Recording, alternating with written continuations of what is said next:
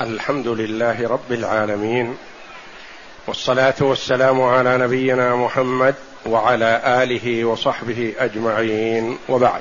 بسم الله. بسم الله الرحمن الرحيم.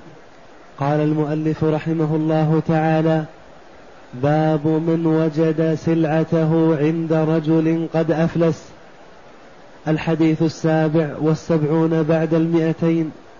عن أبي هريرة رضي الله عنه قال قال رسول الله صلى الله عليه وسلم أو قال سمعت رسول الله صلى الله عليه صلى الله عليه صلى الله عليه وسلم يقول من أدرك ماله بعينه عند رجل أو إنسان قد أفلس فهو أحق به من غيره. هذا الحديث في الصحيحين وغيرهما. يقول صلى الله عليه وسلم من أدرك ماله بعينه يعني بعت على شخص ما حاجة ايا كانت. طعام أو لباس أو عقار أو دابة أو سيارة. ثم هذا الرجل الذي اشترى هذه العين قد أفلس والمفلس هو من ديونه الديون الذي عليه أكثر من المال الذي بين يديه. يعني بين يديه مال لكنه قليل بالنسبة للديون التي عليه. هذا يسمى مفلس. يعني أنه لا يملك إلا الفلوس ما يملك الدراهم والدنانير وإنما يملك الفلوس أو أنه لا يؤذن له بالشراء والبيع إلا بفلوس لأنه يحجر عليه. فهذا إذا رفع الغرماء أصحاب الحقوق دعواهم إلى الحاكم الشرعي حجر عليه يعني يمنعه من التصرف خشية أن يهرب بعض أمواله التي بين يديه. فلا ينفذ له بيع ولا شراء ولا إقرار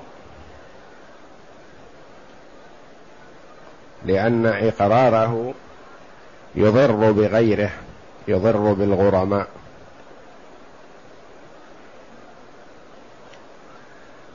فيكون الغرماء في الأموال التي بين يديه يتحاصونها بنسبة مئوية لديونهم مثلا.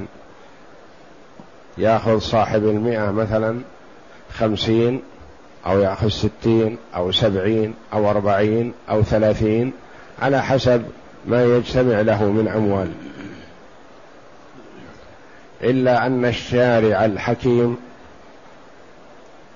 راعى صاحب الحق الذي حقه لم يتغير ولم يستلم من قيمته شيء فلم يجعله للغرماء محاصة وإنما قال هو أحق به. لأن الإنسان يتأثر إذا رأى حاجته التي باعها على شخص ما والناس يتقاسمون قيمتها وهو لم يستلم شيئا من القيمة. فراعاه الشارع الحكيم بأن قال هو احق بحاجته بعينه.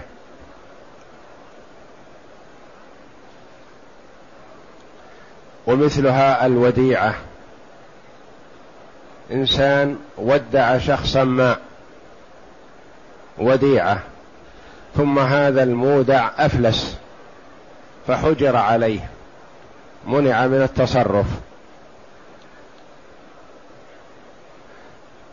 فالذي أودعه العين ما دام أنها وديعة عنده فإنه أحق بها يأخذها ولا يتحاصها الغرماء. فيقول عليه الصلاة والسلام من أدرك ماله بعينه يعني ما تغير.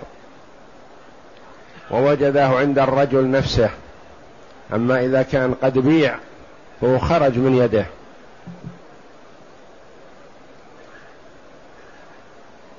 حوله إلى شيء ما مثلا أول مواد خام ثم حولت أخشاب مثلا حولت إلى أبواب ونوافذ ليس هو أحق بها لأنها تغيرت.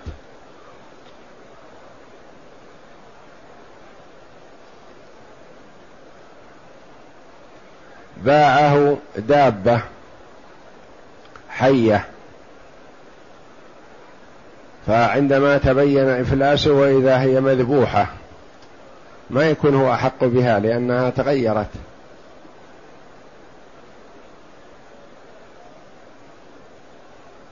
باع هذه الدابة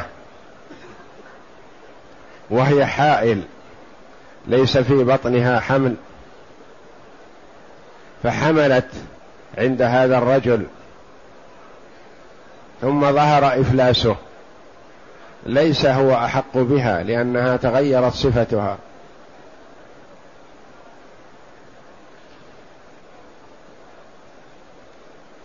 إذا كان الرجل قد استلم شيئا من قيمتها فليس هو أحق بها. يدخل مع الغرماء في بقية القيمة.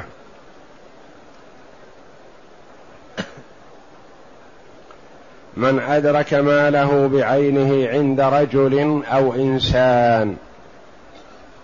قول عند رجل أو إنسان يدل على عناية أهل الحديث بحديث رسول الله صلى الله عليه وسلم. رجل وإنسان ما بينهما فرق في كلامي وكلامك وكلام زيد وعمرو. لكن الراوي شك هل قال الرسول عليه الصلاة والسلام إنسان أو قال رجل؟ فأتى بما شك به حتى لا يقول عند إنسان والرسول قال رجل. أو حتى لا يقول الراوي عند رجل والرسول عليه الصلاة والسلام قال عند إنسان. أتى بالعبارة نفسها وبالمشكوك فيه. يقول قال كذا أو كذا والمعنى لا يختلف. وانظر إلى قول أبي هريرة كذلك. عن أبي قال قال رسول الله صلى الله عليه وسلم أو قال سمعت رسول الله صلى الله عليه وسلم. أحد الرواة شك هل قال أبو هريرة رضي الله عنه قال رسول الله صلى الله عليه وسلم أم قال أبو هريرة سمعت رسول الله صلى الله عليه وسلم فيحب أن ينقل الشيء كما نطق به راوي الحديث فإذا اشتبه عليه أتى باللفظين معا.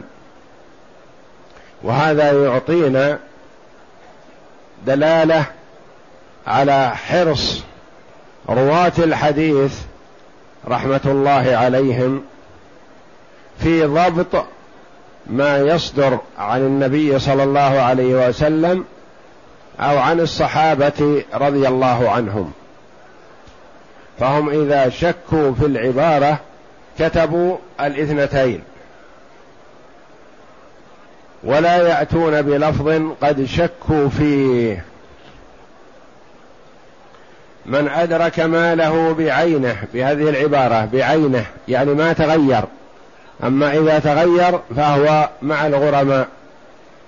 قد أفلس قد أفلس يعني خسر وفقد المال وليس معه مال يكفي للغرماء. فصاحب العين أحق بعينه ولا يكن أسوة الغرماء. فهو أحق به من غيره وألحق به العلماء بالعين المباعة المودعة والمغصوبه إذا كان هذا الرجل الذي أفلس قد غصب عينا لزيد وزيد يراها وكان يتهرب في الأول والآن أصبح في قبضة الحاكم. فجاء الذي غصبت عينه وقال للحاكم هذه عيني غصبها فلان هذه السيارة لي هذه الدابة لي. غصبها الرجل المفلس الآن وكان غصبها ويتهرب والآن واصبح والحمد لله في قبضتكم فسلموني عيني. فإذا أثبت أنها له قد غصبها الرجل أو أنها له قد باعها عليه أو أنها له أودعها إياه فإن الحاكم يسلمها له. لأنه كما تقدم أن المرء لا يطيق أن يرى حاجته الخاصة التي لا اشتباه فيها ولا زيادة ولا نقص يتقاسمها الغرماء. قد يكون باع السيارة مثلا بخمسة آلاف ريال ثم بيعت بهذه الخمسة الآلاف ووزعت على الغرماء فكان نصيبه من الخمسة الآلاف مئة ريال مثلا. يتأثر وقد يلحق يلحق به أثر بدني يمرض أو يصاب بصدمات حينما يرى ماله الذي بيده وعنده يتوازعه الناس. فالرسول عليه الصلاة والسلام قال صاحب العين أيا كانت. صاحب العين أحق بها. ما دامت لم تتغير. أما إذا تغيرت فهو يكون نسوة الغرماء. اختلفت. زادت أو نقصت. أو حولت إلى شيء آخر مثلا حب. ثم إن المفلس هذا طحنه. فما يكون صاحبه أحق به لأنه تغير.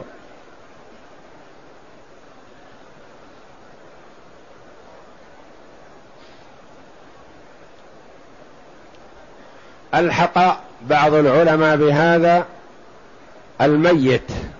قالوا مثل المفلس إذا كان ما عنده سداد فيكون صاحب العين أحق بها. إذا مثلا باع على هذا الرجل سيارة وما استلم من قيمتها شيء القيمة وعد سيحضره بعد فترة. ثم إن هذا الرجل مات والسيارة بعينها ما تغيرت. ولا يوجد من يتولى مثلا.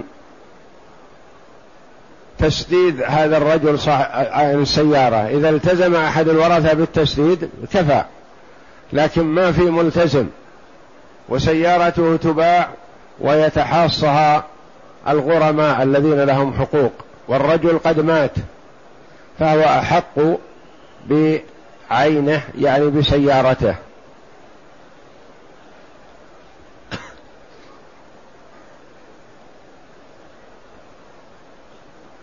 وهذا الحديث فيه مراعاة لشعور المرء وحرصه على حلاله وما يختص به. فالرسول صلى الله عليه وسلم ما حرمه من حقه وجعله إسوة الغرماء في عينه المعينة تباع في الأسواق ثم يكون نصيبه منها جزء يسير. وحقه يذهب ما دامت أنها عينه ما تغيرت فهو أحق بها. اقرأ.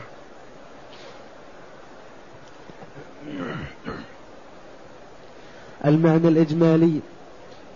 من باع متاعه لأحد أو أودعه أو أقرضه إياه ونحوه. أو أقرضه إياه. القرض مثل الوديعة ومثل البيع ومثل الغصب.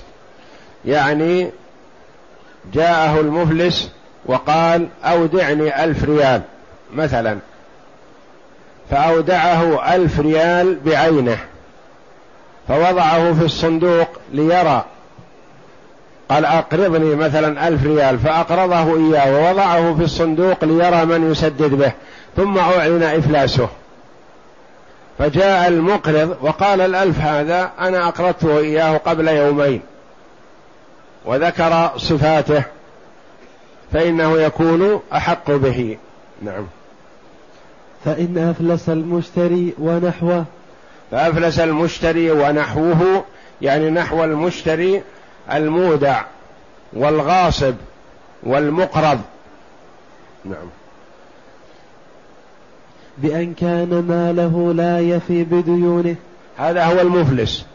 المفلس بين يديه مال لكن ماله لا يفي بالديون الذي عليه.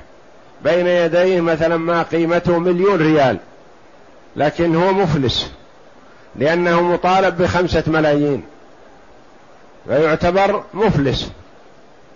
وكثيرا ما يحصل هذا وخاصة في الأموال في المبايعات المحرمة. يكون يمسي وهو غني عنده ملايين الريالات فيصبح وليس عنده إلا عشر ما عليه من ديون.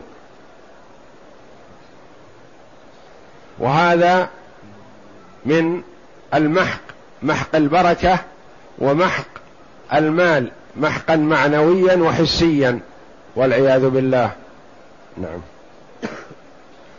فله أن فله أن يأخذ متاعه إذا وجد عينه. بأن كان بحالة لم يتغير فيها صفاته إذا كان بحاله.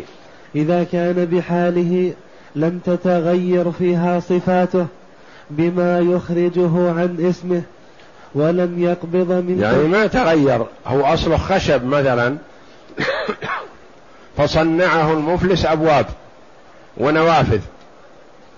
جاء صاحب الخشب يقول عطونا النوافذ والأبواب هذه هذه من خشبي. نقول لا تغير. أنت بعت عليه خشب والآن أصبح نوافذ وأبواب.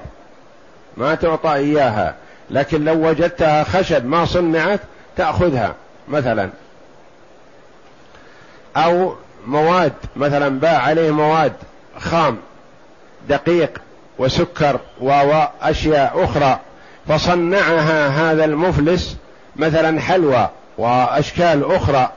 وجاء يقول سلموني هذه الأموال لأنها من العين التي بعتها عليه. نقول لا تحولت. أنت بعت عليه دقيق وبعت عليه سكر وبعت عليه أصباغ مثلا والآن أصبحت بأسماء أخرى وأشكال غير بيعك عليه.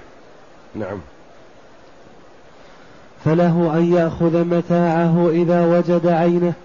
بأن كان بحالة لم تتغير فيها صفاته بما يخرجه عن اسمه ولم يقبض من ثمنه شيء. ولم يقبض من ثمنه شيء. إذا كان قد قبض بعض الثمن فيكون في الباقي إسوة الغرماء. نعم. ولم تتعلق به حق أحد من مشتر أو متهب أو رهن. وما تعلق به حق أحد لأنه أحيانا يكون باع على المفلس هذا سيارة. السيارة هذه باع على شخص آخر المفلس. ما يقول ردوها علي لأنها تعلقت بها بعلق بها حق هذا المشتري. أو مثلا هو اشترى منه سيارة ثم وهبها لآخر. فيقول ردوا علي سيارتي نقول لا تعلق تعلق بها حق الموهوبة له.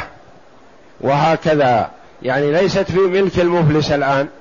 نعطيك إياها لو كانت في ملك المفلس. نعم. وكذلك الرهن. إذا كان المفلس اشترى مثلا هذه العين ناقة مثلا ورهنها بدين عليه فتحل فتعلق بها حق المرتهن فلا ترد على صاحبها الأول. نعم. أو شفعة أو بأن أخذت من المفلس بالشفعة. يعني المفلس مثلا اشترى هذه الأرض من شخص ما. هذه الأرض بعدما اشتراها كانت ملاصقة ومشتركة مع أرض أخرى لآخر فأخذها الآخر بالشفعة. فما بقيت في يد المفلس وإنما تعلق بها حق الشفيع. فلا ترد. نعم. أو غير ذلك من عقود المعاوضات. مثلا أخذ منه عقارا ثم دفعه مهرا لامرأته. فتعلق به حق المرأة الآن ليس للرجل. فلا يرد ولا يأخذه صاحبه إذا أفلس المشتري لهذا العقار لأن هذا العقار ما بقي في ذمة في ملك الرجل وإنما هو انتقل إلى ملك زوجته أخذته مهرا لها. نعم. ولهذا قال أو غير ذلك من عقود المعاوضات. نعم. فحينئذ يكون أحق به من الغرماء المتحاصي المال لأنه وجد متاعه. المتحاصي المتحاصي في المال يعني الذين ياخذونه بالحصص. يأخذون المال بالحصص بقدر أموالهم. اجلس يا أخي أشغلت الناس. اجلس. ولا انطلق؟ اجلس.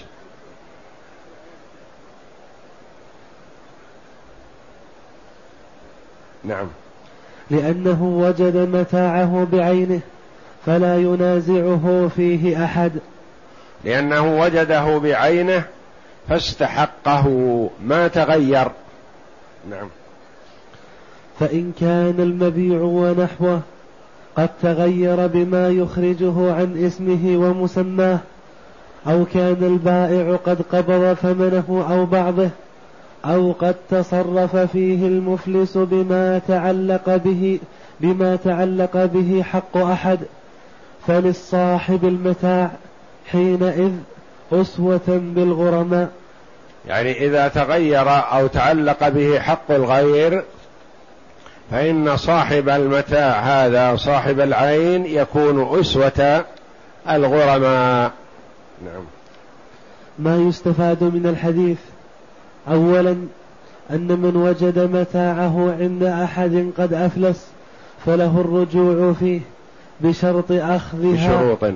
بشروط أخذها العلماء من الأحاديث وأخذوا بعضها من فهمهم لمراد الشارع الحكيم. قال ابن دقيق العيد دلالته قوية. قال ابن دقيق العيد رحمه الله له كتاب إحكام الأحكام شرح عمدة الأحكام. نعم. قال الأصطخري من أصحاب الشافعي لو قضى القاضي بخلافه نقض حكمه. نقض حكمه. نقض حكمه. يعني أن هذا نص صريح من الرسول صلى الله عليه وسلم ما يجوز للقاضي أن يحكم بخلاف ذلك لأن حكم الحاكم حكم القاضي إذا كانت المسألة فيها خلاف يؤخذ به. أما إذا كان الحكم صريح من الرسول صلى الله عليه وسلم فما يسوغ للحاكم لحاكم ولا لقاض أن يخرج عما شرعه الرسول صلى الله عليه وسلم. نعم. ثانيا يراد بصاحب المتاع في الحديث البائع وغيره. يراد به البائع وغيره. يعني سواء كان بايع أو مودع أو مغصوب.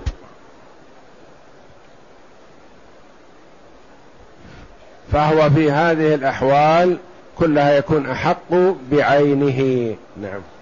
من مقرض ومودع ونحوهم من أصحاب عقود المعاوضات فعموم الحديث يشملهم. ولا ينافي العموم. أن يصرح باسم البائع في بعض الأحاديث. يعني حتى لو كان التصريح باسم البايع مثلا في بعض الأحاديث فلفظ الحديث الذي معنا وهو في الصحيحين من أدرك ماله بعينه ما قال هو بايع أو كذا. نعم. ثالثا أن تكون موجودات المفلس لا لا تفي بديونه. أن تكون موجودات المفلس لا تفي بديونه. أما إذا كانت تفي بالديون فحق هذا الرجل مضمون ولا ترد له عينه. نعم. وهذا الشرط مأخوذ من اسم المفلس شرعا. لأنه إذا لم إذا كانت موجوداته تفي بالحقوق الذي عليه فلا يقال له مفلس. نعم. رابعا أن تكون عين المتاع موجودة عند المشتري. وهذا الشرط هو نص الحديث الذي معنا الذي معنا وغيره. نعم. خامسا أن يكون الثمن غير مقبوض من المشتري فإن قبض كله أو بعضه فلا رجوع بعين المتاع. إذا قبضه أو قبض بعضه فلا يرجع فيه. بل يكون في الباقي إن كان قد بقي له شيء أسوة الغرماء. نعم. وهذا الشرط مأخوذ من المعنى المفهوم ومن بعض ألفاظ الأحاديث. سادسا الذي يفهم من عموم لفظ الحديث أن الغرماء لو قدموا صاحب المتاع بثمن متاعه فلا يسقط حقه من الرجوع بمتاعه. مفهوم ظاهر هذا الحديث أنه لو أن الغرماء قالوا لصاحب المتاع لا تأخذ سيارتك أو لا تأخذ دابتك أو لا تأخذ أرضك هذه ونحن نقدمك في الثمن. إذا بيعت تأخذ الباقي لك من الثمن أو تأخذ ثمنك كله. ولا تحاص مع الغرماء. أنه لا يلزم أن يطيع لأن الرسول عليه الصلاة والسلام جعل له عينه جعل له متاعه فله أن يأخذه. نعم. قلت وأرى أننا إذا رجعنا إلى مراد الشارع وهو حفظ حق صاحب المتاع فإننا نلزمه بأخذ الثمن الذي باعه الذي باعه به إذا قد إذا قدمه الغرماء. إذا قدمه الغرماء. إذا قدمه الغرماء. خصوصا إذا كان في أخذه مصلحة لعموم الغرماء وللمفلس الذي يتشوف الشارع إلى التخفيف من ديونه. قد يكون تقديمه بالثمن فيه مصلحة للمفلس لأن القيمة قد تساوي أكثر من قيمة الشراء الأولى. إيضاح هذا مثلا. الرجل باع على المفلس أرضا بمائة ألف مثلا. ما سدد المفلس من قيمتها شيء. ظهر إفلاسه. أعلن.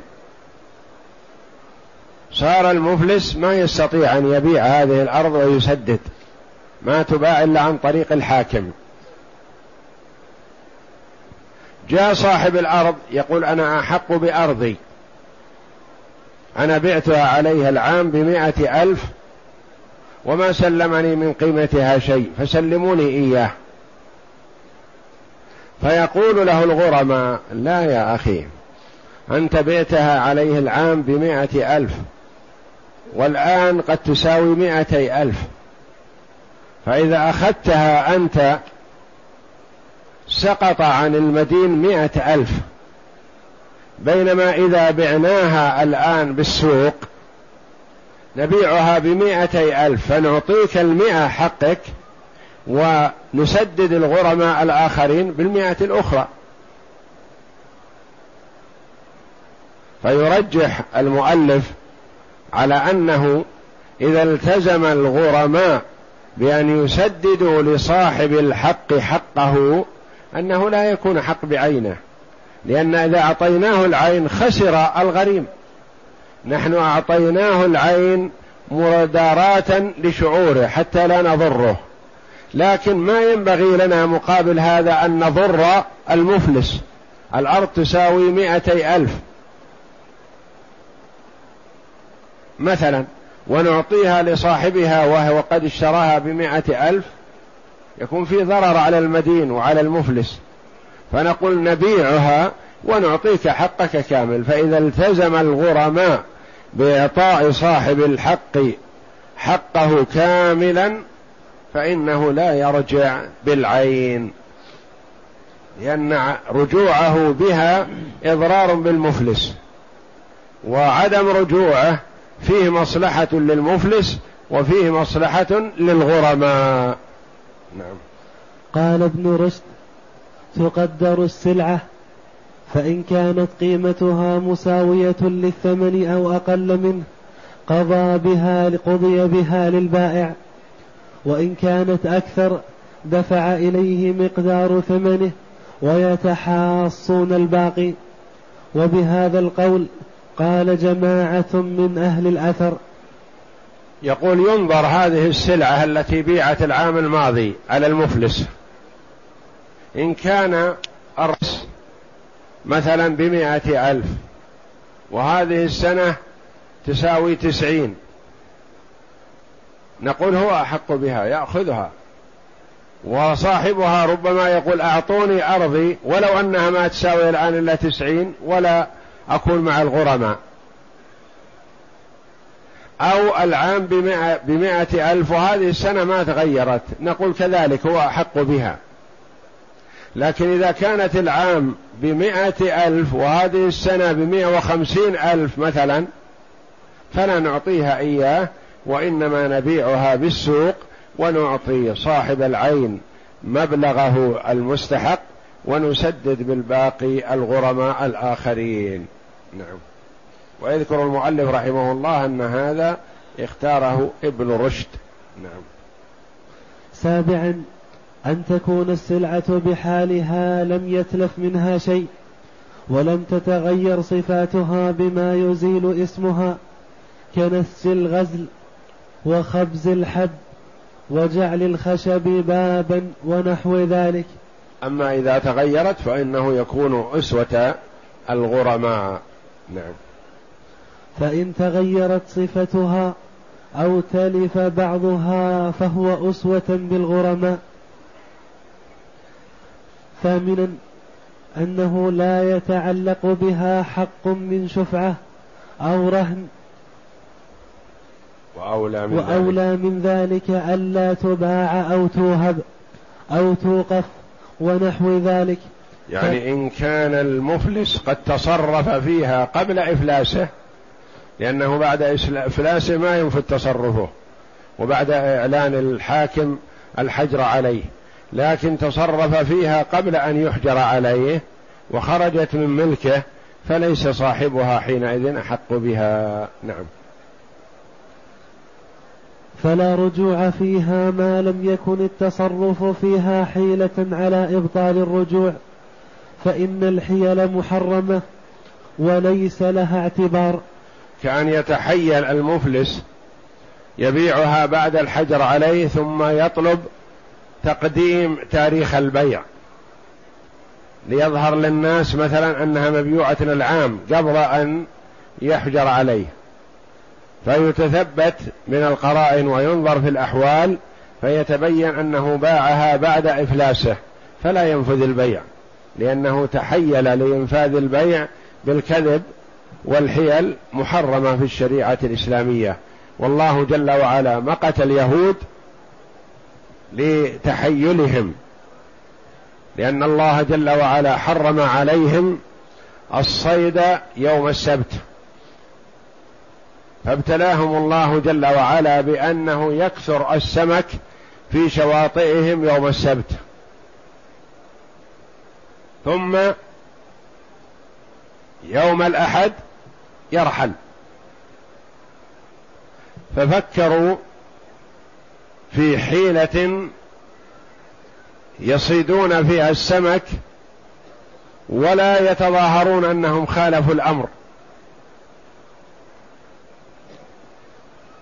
فوضعوا الشراك يوم الجمعة. فجاءت تأتي السمك وتدخل فيها. فتحاول الخروج ما تخرج. ويأتون يوم الأحد ويأخذون الشراك. يقولون ما صدنا يوم السبت حنا إن وضعنا الشراك يوم الجمعة ورفعناها يوم الأحد. فتحيلوا ففضحهم الله جل وعلا ومقتهم لهذه الحيلة وسموا أصحاب السبت. نعم. هذه هي الشروط المعتبرة. فلا يجوز للمسلم أن يتحيل على شيء من من المعاملات المحرمة بأن يجعلها في صورة الحلال وهو يقصد الوصول إلى المحرم. كبعض المعاملات الربوية مثلا محرمة يتحيلون عليها ليظهروها بمظهر أنها صحيحة وهذا محرم في الإسلام. نعم. هذه هي الشروط المعتبرة للرجوع في عين المتاع في عين المتاع عند المفلس. وبعضها أخذ من لفظ الأحاديث وبعضها من المعنى المفهوم والله أعلم. نعم. اختلاف العلماء. اختلاف العلماء فيما ورد فيها هذا الحديث أقوال العلماء رحمهم الله. نعم. ذهبت الحنفية إلى أن البائع غير مستحق لأخذ عين ماله حين يجده عند المفلس وأن المفلس أحق به لأن السلعة صارت بالبيع ملكا للمشتري ومن ضمانه واستحقاق البائع أخذها منه. أخذها واستحقاق البائع. واستحقاق, واستحقاق البائع أخذها منه نقض لملكه. الأحناف يقولون يردون هذا الحديث. يقولون السلعة بيعت وانتقلت إلى مالك إلى المفلس. فكيف تؤخذ منه بعدما بيعت عليه بسنة أو ستة أشهر أو أقل أو أكثر؟ فيقولون هذا الحديث مخالف للأصول عندنا فردوه. وهذا خطأ لأن هذا الحديث نفسه أصل من الأصول. الأصول ما هي؟ الكتاب والسنة. وهذه السنة الصحيحة والصريحة. نعم. لأن السلعة صارت بالبائع ملكا للمشتري ومن ضمانه واستحقاق البائع أخذها منه نقض لملكه. وتأولوا الحديث بأنه خبر واحد مخالف للأصول. قالوا هذا خبر آحاد يعني واحد. ما هو من الأحاديث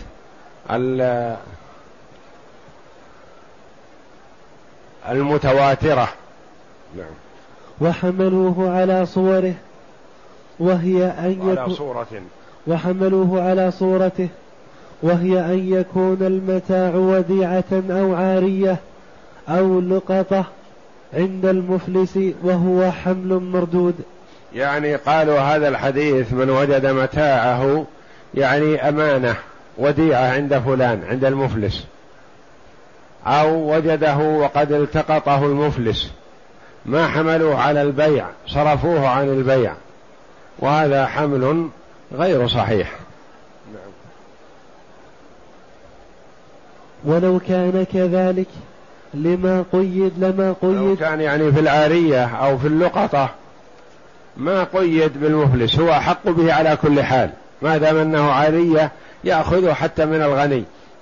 وكذلك إذا كان لقطة ووجده عنده فإنه يأخذه حتى لو كان غني لأن هذا ملكه. نعم. ولو كان كذلك لما قيد بالإفلاس فإنه يرجع بهذه الأشياء مع الإفلاس ودونه. والحق ما ذهب إليه جمهور العلماء من العمل بالحديث. قال الشوكاني والاعتذار الشوكاني رحمه الله يرد على الحنفية الأحناف في هذا. نعم. قال الشوكاني والاعتذار بأنه الحديث مخالف للأصول اعتذار فاسد حيث أن السنة الصحيحة من جملة الأصول. فلا يقول ما هو مخالف للأصول؟ هذا الحديث نفسه أصل من الأصول. يرجع إليه غيره. نعم.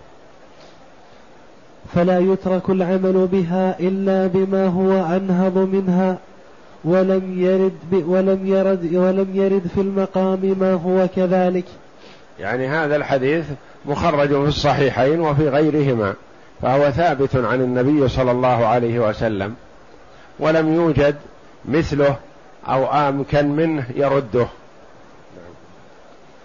قال بعض العلماء لو حكم الحاكم بخلاف هذا الحديث نقض حكمه لأنه لا يقبل التأويل.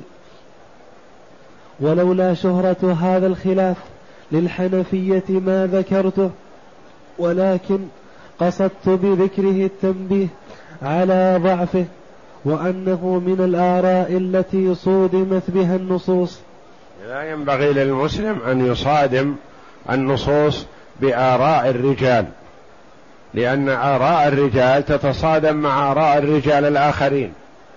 أما أن نعرض آراء الرجال مقابل سنة رسول الله صلى الله عليه وسلم أو مقابل آية من كتاب الله جل وعلا مثلا الخمر محرمة في الكتاب والسنة والإجماع مثلا.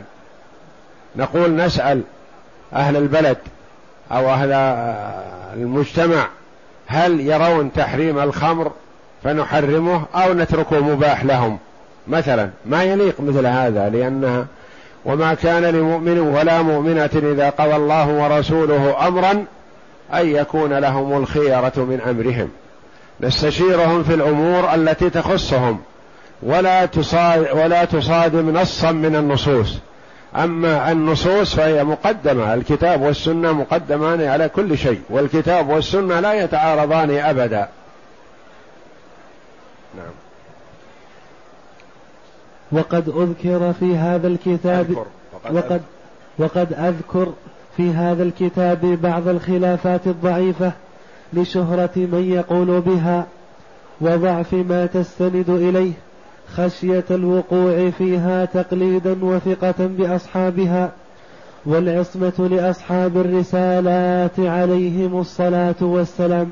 يقول رحمه الله أذكر هذا الخلاف لأجل أن لا يقع في يد إنسان ما يدرك فيأخذ به فأنا أبينه لأجل أن أبين ضعفه. والله أعلم. وصلى الله وسلم وبارك على عبده ورسول نبينا محمد وعلى آله وصحبه أجمعين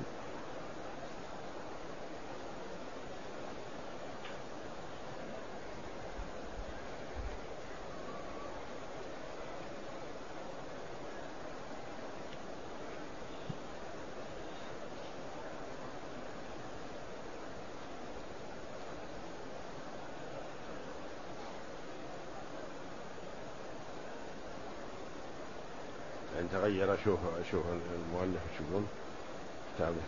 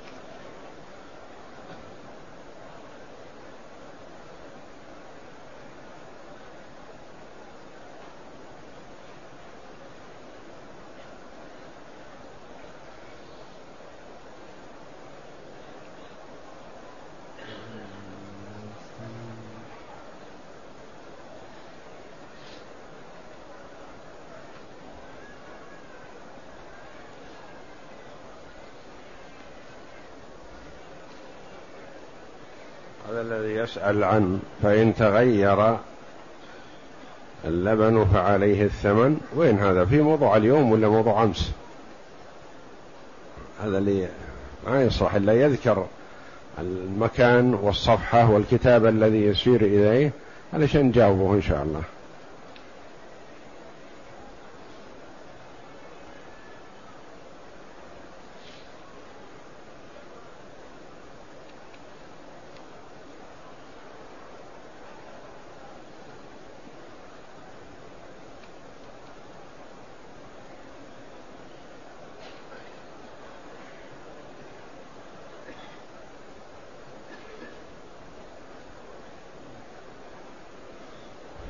يقول أديت طواف العمرة وحينما كنت في المسعى أقيمت صلاة العشاء فصليت العشاء والتراويح ثم أكملت السعي. هل علي شيء؟ الجواب لا ليس عليك شيء والحمد لله.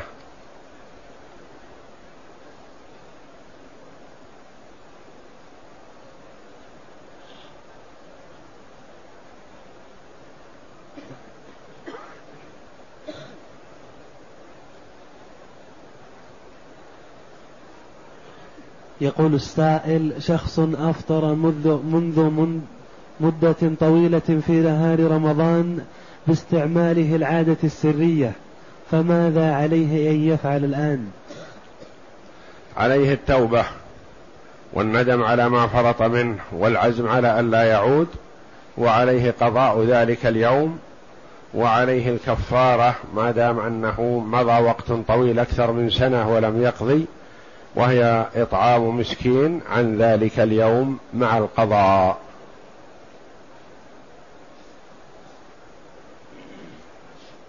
يقول السائل هل تعطى أموال الزكاة في بناء المساجد؟ لا ما تعطى أموال الزكاة في بناء المساجد على القول المختار والراجح إلا على قول ضعيف.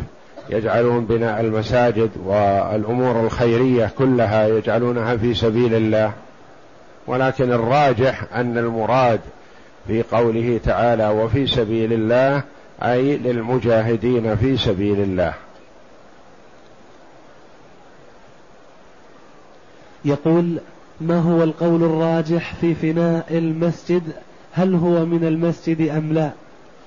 الساحات التي حول المسجد إذا كانت ملحقة بالمسجد ويصلي بها الناس وتتصل الصفوف فيها فلها حكم المسجد.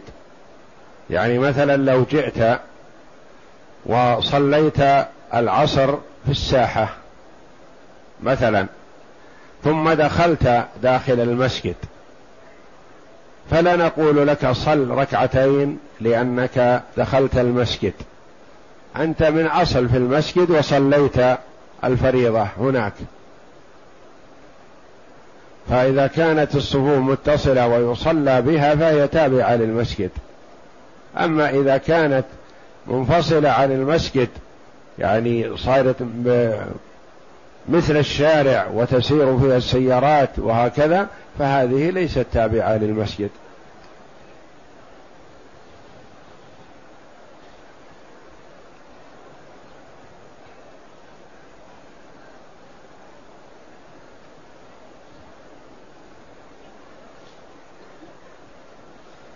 يقول السائل بديت بالطواف العمرة قبل المغرب وعند إقامة صلاة المغرب صليت واقفا ولم أستطع الركوع ولا السجود وذلك بسبب الزحام فهل صلاتي صحيحة؟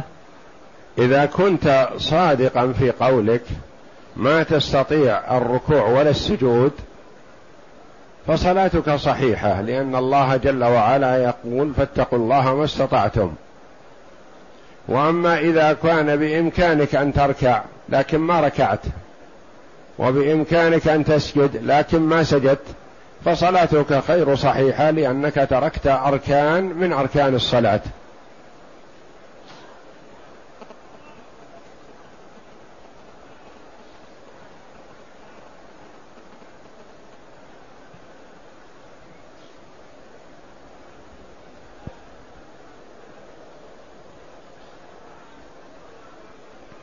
يقول السائل قال الرسول صلى الله عليه وسلم أما الركوع فعظموا فيه الرب أو كما قال فهل الأفضل أن أقول سبحان ربي العظيم أم أزيد وبحمده؟ نعم. الأفضل أن تكرر التعظيم لله جل وعلا حال الركوع وحال السجود تأتي بالتسبيح الواجب وتعظم الله جل وعلا وتسأل الله ما أحببت من خيري الدنيا والآخرة. وليس معنى هذا أن تقتصر على سبحان ربي العظيم وإنما تأتي بالألفاظ الواردة عن النبي صلى الله عليه وسلم. سبحان الله وبحمده سبحان الله العظيم سبحان الملك القدوس سبحان الحي الذي لا يموت سبوح قدوس رب الملائكة والروح. وهكذا من التسبيح الوارد عن النبي صلى الله عليه وسلم فتكثر منه. وأما السجود فالأفضل أن تكثر فيه من الدعاء.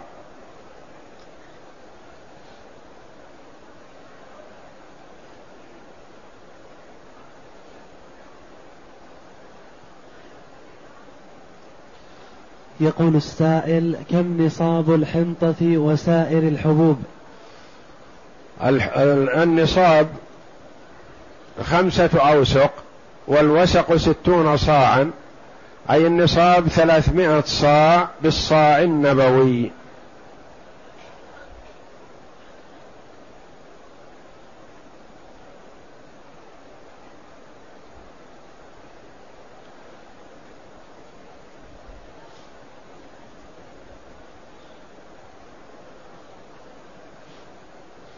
يقول السائل تسلف مني رجل أمين وسوف يسدد ولكن أريد أن أحسبها من زكاة مالي ولا آخذها منه.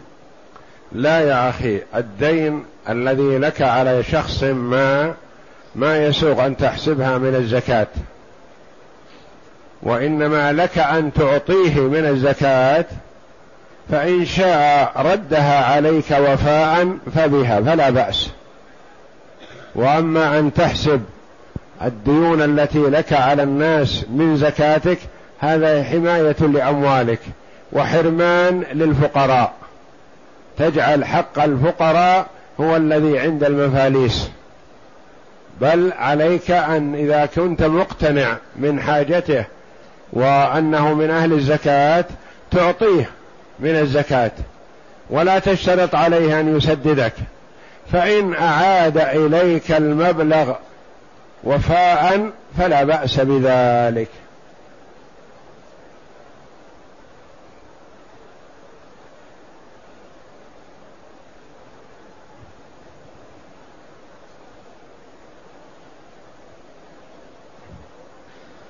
يقول السائل اشتريت بيتا وانتقلت إليه. ولكن قال لي أحد الإخوة أن عليك أنه يجب عليك وليمة. لا يا أخي من حيث الوجوب ما يجب عليك وليمة. والوليمة في هذه الحال مباحة. يعني إذا أحببت أن تجمع زملائك أو جيرانك أو أقاربك أو تجمع من هؤلاء وهؤلاء وهؤلاء شكرا لله جل وعلا الذي يسر لك التملك وتطعمهم ويدخلون بيتك. هذا لا بأس. هذا من المباحات ومن الكرم. لكن ما يقال إنه يجب عليك أن تزع تعمل وليمة. وجوبا لا. ما يجب عليك شيء.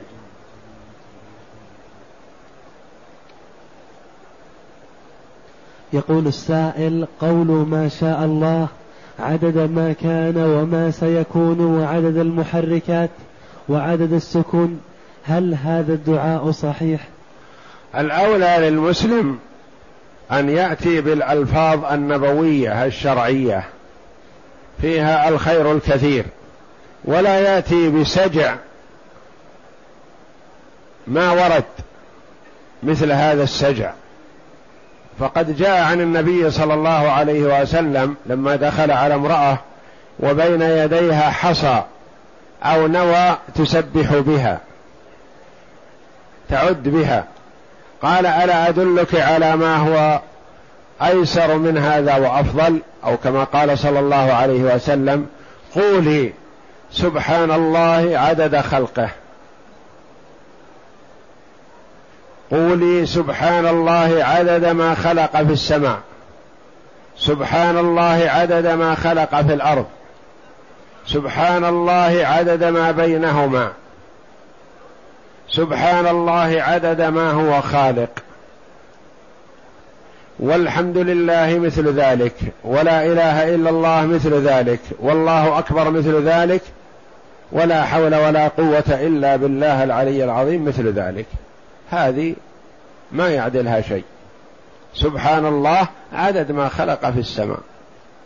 سبحان الله عدد ما خلق في الأرض. سبحان الله عدد ما بينهما. سبحان الله عدد ما هو خالق. من أول الدنيا إلى آخرها. والحمد لله مثل ذلك ولا إله إلا الله مثل ذلك والله أكبر مثل ذلك ولا حول ولا قوة إلا بالله العلي العظيم مثل ذلك. وقال لأم المؤمنين لقد قلت بعدك أربع كلمات ثلاث مرات لو وزنت بما قلت منذ الغداة لوزنتهن. هي جلست في مصلاها بعد صلاة الفجر تسبح إلى أن ارتفع النهار وعاد إليها النبي صلى الله عليه وسلم وهي في مجلسها. فبين لها صلى الله عليه وسلم أنه قال بعدها ثلاث أربع كلمات ثلاث مرات تزن كل ما قالت من أول النهار وهي سبحان الله وبحمده عدد خلقه ورضا نفسه وزينة عرشه ومداد كلماته. كررها ثلاث مرات. هذه أربع كلمات. سبحان الله عدد خلقه. سبحان الله رضا نفسه. سبحان الله زينة عرشه. سبحان الله مداد كلماته. كررها ثلاث مرات صلى الله عليه وسلم. هذه فيها خير عظيم. سبحان الله عدد خلقه.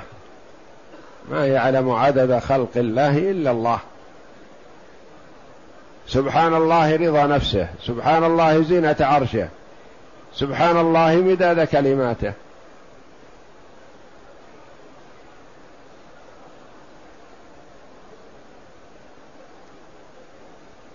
ويكرر سبحان الله والحمد لله ولا إله إلا الله والله أكبر.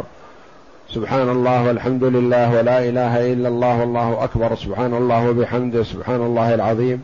لا إله إلا الله وحده لا شريك له له الملك وله الحمد وهو على كل شيء قدير.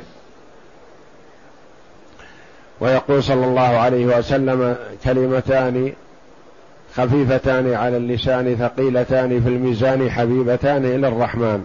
سبحان الله وبحمده سبحان الله العظيم.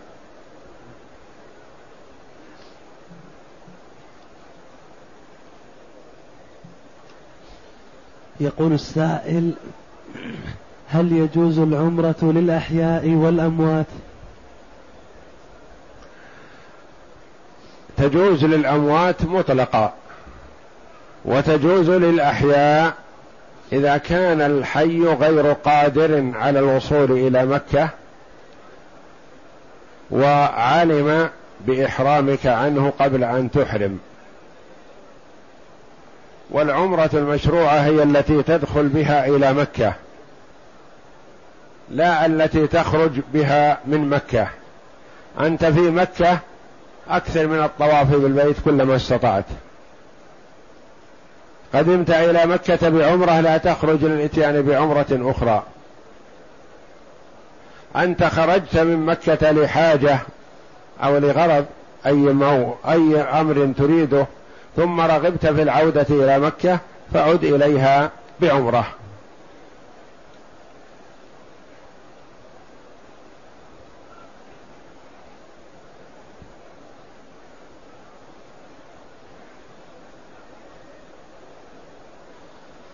يقول السائل والدي توفي وقد حج أعواما ووالدتي على قيد الحياة وهي لم تحج وأريد أن آتي بعمرة لأحدهما فمن أحق؟ الأحق الوالدة ما دامت لم تحج ولم تعتمر فتعتمر عن الوالدة بشرط أن تعلم عنك قبل أن تحرم عنها. وأن تكون غير مستطيعة للوصول إلى مكة. أما إن كانت مستطيعة فهي تأتي عن نفسها.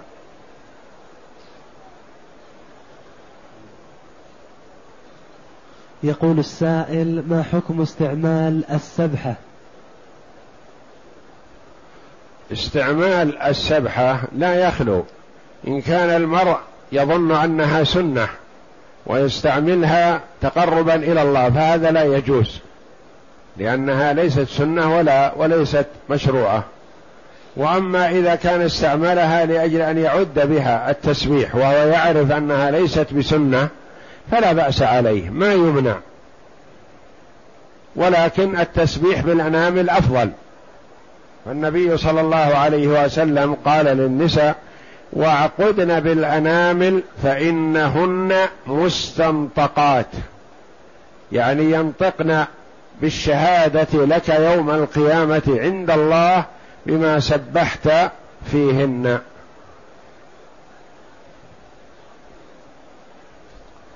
هذا يسأل عن الطلاق والطلاق يراجع فيه المحكمة.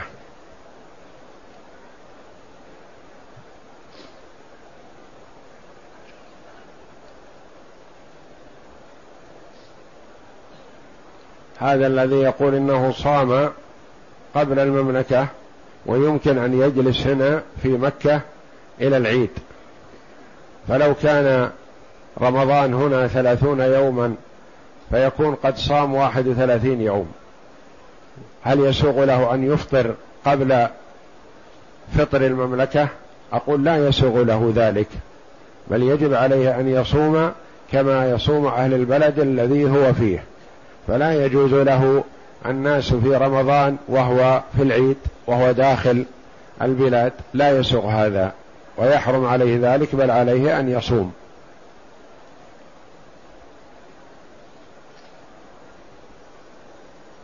هذا رجل قال لزوجته لو فعلت كذا كان كذا وأنت محرمة علي وكذا إلى آخره. هذا عليه مراجعة المحكمه